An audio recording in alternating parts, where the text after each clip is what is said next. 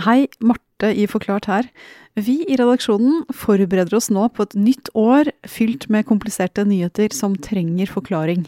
Så til de siste dagene dette året har vi valgt ut et par episoder fra høsten til gjenhør.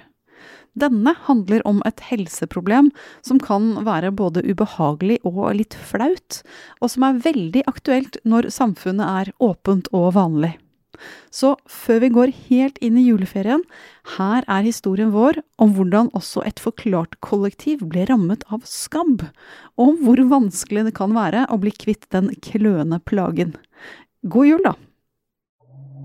Se for deg at du ligger i uh, senga di og skal prøve å sove. Men det funker ikke. For hver gang du lukker øynene, kjenner du den. Kløen den intense kløen som flytter seg rundt på huden og til slutt tar helt over. Du har skabb. Og foran deg har du ukevis med behandling og kløe.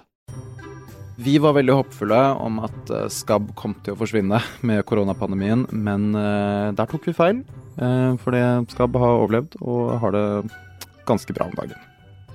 Og hvis det kribler i huden din nå, så er det bare å glede seg til fortsettelsen. Du hører på en kløende episode av Forklart. Jeg heter David Vekoni. I dag er det onsdag 17. november.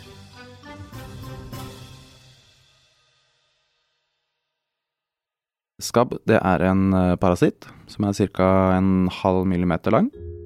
Ser man på den i mikroskopet, så ser det ut som en, et romvesen av noe slag. Den er rund, og så har den noe, åtte bein som driver og flagrer rundt. Og så i tillegg vil den liksom bevege seg rundt og krype rundt i mikroskopet. Simon Ertseid er lege ved senteret Sex og samfunn, og ikke minst en av programlederne i Alfakrøll, podkasten deres om seksuell helse for gutter. Den kan også krype rundt under huden din, så hvis den havner der, så graver den seg ned og graver ganger under huden. Legger egg på veien, og så klekker eggene, og ut kommer det larver som kravler videre under huden. Og da får immunforsvaret en liten reaksjon på det, og da begynner det å klø noe så helt forferdelig med. Hvordan føles det? Ikke noe godt i det hele tatt. Eh, jeg hadde det jo selv i russetiden i 2014 meg og um, halve bygda og halve videregående skolen. Eh, og da la jeg våken på natta og prøvde å sove og klødde og klødde og klødde. Og klødde, og ja, fikk kloremerker og begynte nesten å blø av hvor mye det irriterte. Er det verre om natta enn en ellers, når du egentlig skal prøve å sove? Det er det. Det er, det. Det er noe med, med varmen. Um, at de larvene, eller middene også, begynner å bevege seg mye fortere når det er varmt. Så da kan de bevege seg opptil 2,5 cm i minuttet. Og så er det noe med at når du ligger alene og tenker på at dette her klør helt jævlig, så klør det ekstra mye. Og det er fortsatt sånn når jeg hører ordet skabb at jeg bare begynner å klø.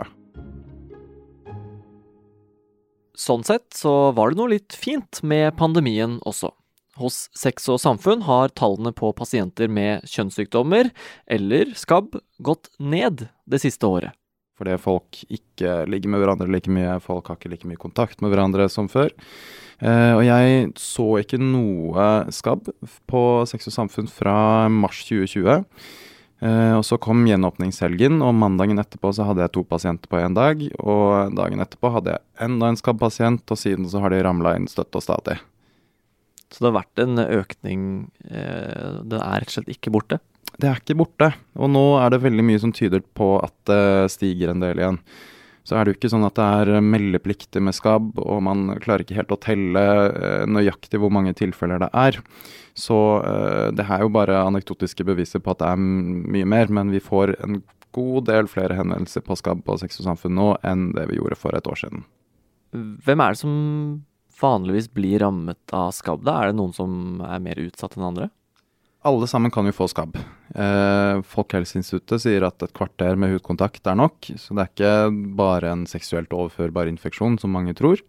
Eh, men hvis man er seksuelt aktiv, og spesielt de mellom 15 og 29, er jo litt mer utsatt enn andre. Eh, og det kan ha med å gjøre at man bor i trange kollektiver, eller at man er eh, mye ute på byen og har one night stands støtt og stadig. Da får man jo naturlig nok en større risiko. Eh, men det kan jo ramme alle sammen. Så gir man noen en skikkelig god klem og har megauflaks, eller du sitter i sofa ved siden av noen som har skabb eller har hatt skabb, så kan du potensielt også bli smitta.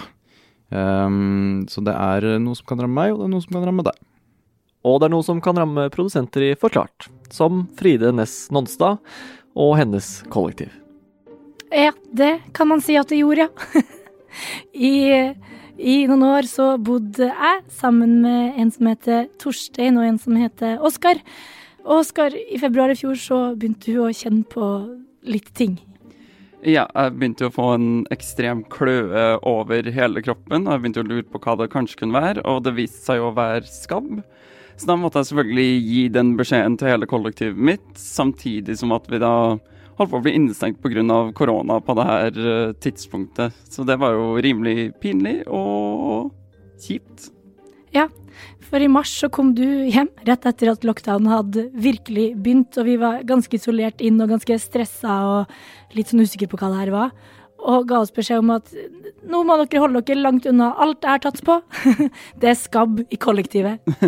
I tillegg så var det jo ekstra dritt for meg fordi jeg faktisk klødde meg halvt i hjel og ikke kunne benytte meg av noe annet enn trestoler og kunne ikke benytte meg av mine egne klær. og ja, måtte gå gjennom en del ulike prosesser for å bli kvitt det. Ja, for er du så uheldig å få skabb, så kan det bli både tidkrevende og litt slitsomt å bli kvitt det. Men mest av alt kan det bli veldig dyrt.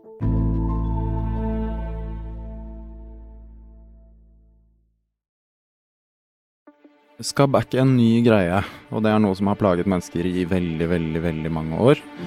Eh, og Aristoteles han beskrev skabb i sin tid. Eh, han kalte det for eh, lus, eller kjøttets lus.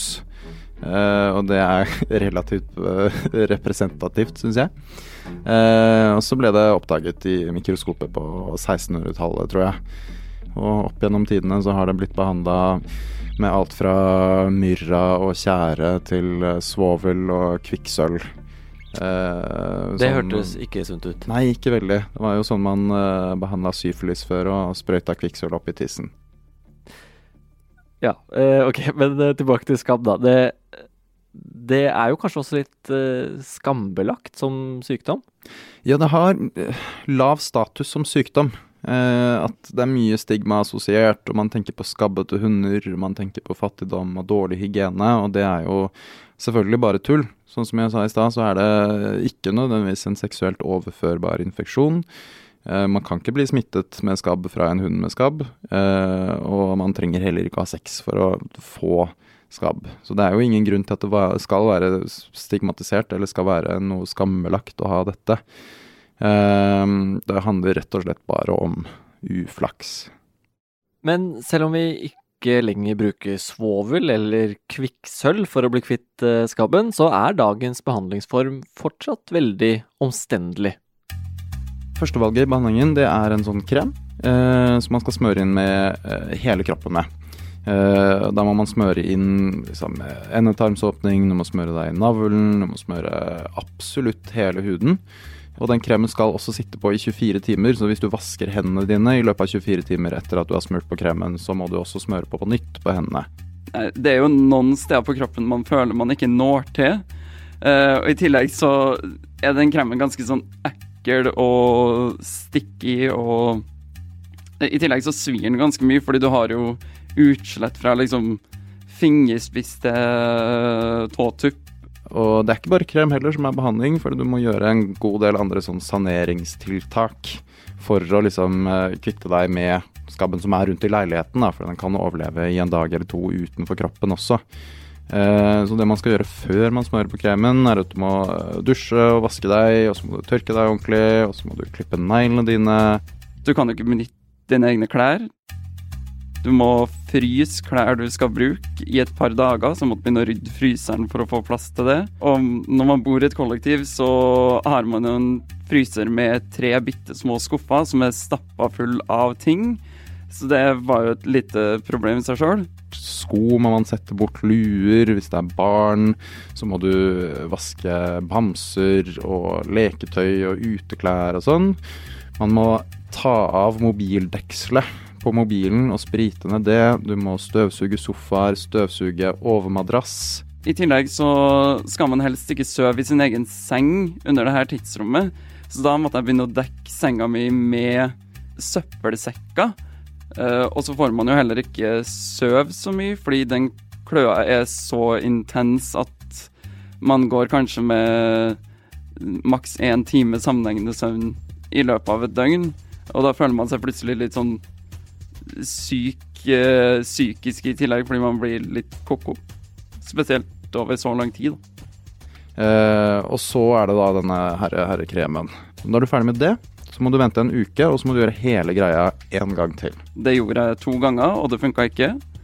Så benytta jeg meg av pillene man får på resept som man må bruke med denne kremen. Så for å få tablettbehandling, så må du ta én runde med krem, vent en uke, ta én runde med krem til, vente fire uker, og så kan man få tablettbehandling. Det funka heller ikke første gang. Eh, og det funka ikke før andre eller tredje runde, så det er ganske ubehagelig. Og behandlingen er ikke bare ubehagelig, den kan også bli skikkelig dyr. Det kan bli ganske dyrt. Eh, man skal behandle med denne kremen, eh, som koster 319 kroner, sist jeg sjekka. har du en stor og voksen kropp, så må du smøre deg med tre tuber ca. per gang. Og så skal man behandles to, eh, to, ganger med en uke imellom, og da blir det seks tuber til sammen og nesten 2000 kroner. Og så er det ikke bare den pasienten selv som skal behandles, men alle da mulige smittekontakter siste måneden skal også behandles. Så det kan jo bli veldig, veldig dyrt etter hvert. Hvor, hvor lenge endte, endte med å holde på? Når var, det, når var det du var frisk igjen, eller ferdig? Nei, det pågikk jo omtrent mellom februar og juni så ble det jo svindyrt i tillegg. Jeg brukte jo kanskje 5000 eller 6000 kroner på det her, uh, som var spesielt dyrt siden jeg var også student på tidspunktet. Uh, så det var jo en rimelig kjip følge av det i seg sjøl. Pasientene som ikke blir kvitt skabb, de kommer tilbake til Simon på Sex og samfunn og er irriterte på han. Og han er irritert på systemet. Problemet med behandlingen i dag er at den er uh, altfor dyr. Uh, hvis kremen skal fortsette å være førstevalget, så burde den bli dekket av det offentlige. Fordi ingen skal måtte betale over 2000 kroner for en sånn sykdom. Um, I tillegg så syns jeg skal burde bli meldeplikt igjen, sånn at man klarer å telle uh, hvor mange tilfeller man har i Norge, sånn at man klarer å se hvor stort det problemet egentlig er. Og sånn at man kan gjøre smitteoppsporingen obligatorisk, så man uh, får tak i uh, nye tilfeller og legger et logg på skabbutbruddene i Norge. Men hvorfor er det egentlig så dyrt å behandle en kjip sykdom som skabb i Norge? På fagspråket snakker man om førstelinjebehandling og andrelinjebehandling. Kremen må prøves først, før du i andre linje kan få dekket tabletter av staten. Og for å komme til andre linje, så er det noen kriterier som må oppfylles. Ifølge Gudrun Boge i Legemiddelverket så må sykdommen være alvorlig nok og vare lenge nok. Så når det gjelder eh, førstelinjebehandlingen av skabb, så i de aller fleste tilfeller så er den vellykket. Um, og for de pasientene det gjelder, så er heller ikke skabb en alvorlig sykdom. Men så er det jo mange settinger, og det er det vi har hørt om i media også, hvor det er store husholdninger eller studentkollektiver f.eks., og hvor gjerne bare noen få har vist symptomer. Um, da vil du for det første være avhengig av at alle faktisk behandler seg som er smittet, men også så er du avhengig av at alle de klarer å gjøre ting riktig, og at alle de har effekt av behandlingen. Fordi hvis du bare har en liten skabbmidd som sniker seg unna hos én person i et seksmannskollektiv f.eks., så har du runddansen gående på nytt. Og da begynner du å snakke om om kriteriene kan være oppfylte når det gjelder eh, det å putte ting på blå resept, og det er den vurderingen som blir gjort da for andrelinjebehandlingen av Ivermectin. Altså tablettene som man kan få etterpå. Men hvis man hadde gjort som Simon Ertseid vil, og klassifisert skabb som en såkalt allmennfarlig smittsom sykdom, sånn som f.eks. klamydia, gonoré og hiv, så mener også de i Legemiddelverket at det kan gjøre det lettere å hindre spredningen fremover. Fordi da vil både behandlingen kunne bli gratis, legekonsultasjoner kunne bli gratis, og eh man har anledning til å åpne for behandling av eh, nærkontakter som ikke har symptomer på smitte enda. Simon, eh, hva vil du si til de der ute da, som, som klør på kroppen nå og ikke har så lyst til å dra til legen? Eller til de som har fått skabb da, og, og kjenner på en, en skam over det? Uh, det blir ikke noe bedre av å sitte hjemme og klø. Uh, så dra til legen, det er uh, ikke så skummelt som man skulle tro. Jeg vil innrømme at jeg er relativt hyggelig selv. og for min del så kunne jeg like gjerne undersøkt ankelen din som penisen din, så det har ingenting å si for meg. så vil jeg veldig gjerne at ikke alle med skabb kommer til meg på Sex og Samfunn. Man kan også dra til, til fastlegen sin. Eh, men for dere som eh, sitter hjemme og syns dette høres ekkelt og forferdelig ut, og for, eh, har lyst til å unngå å få skabb så lenge som mulig, ikke vær noe redd for det.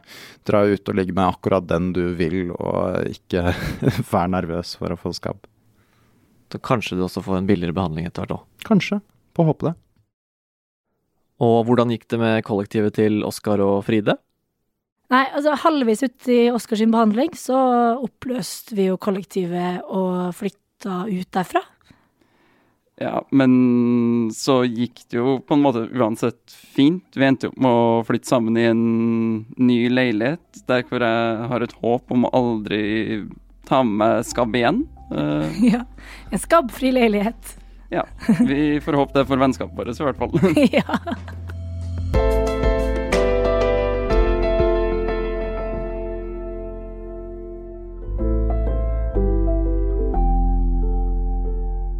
I denne episoden har Simon Ertseid, Gudrun Boge, Oskar Vik og Fride Næss Nonstad fortalt om skabb. Det er Fride, Marte Spurkland og jeg, David Vekoni, som har laget episoden. Den ellers skabbfrie Forklart-redaksjonen består også av Anne Lindholm, Synne Søhol, Thea Wold Lyster og Guri Leiel Skedsmo. Håper du får en fin og kløfri dag.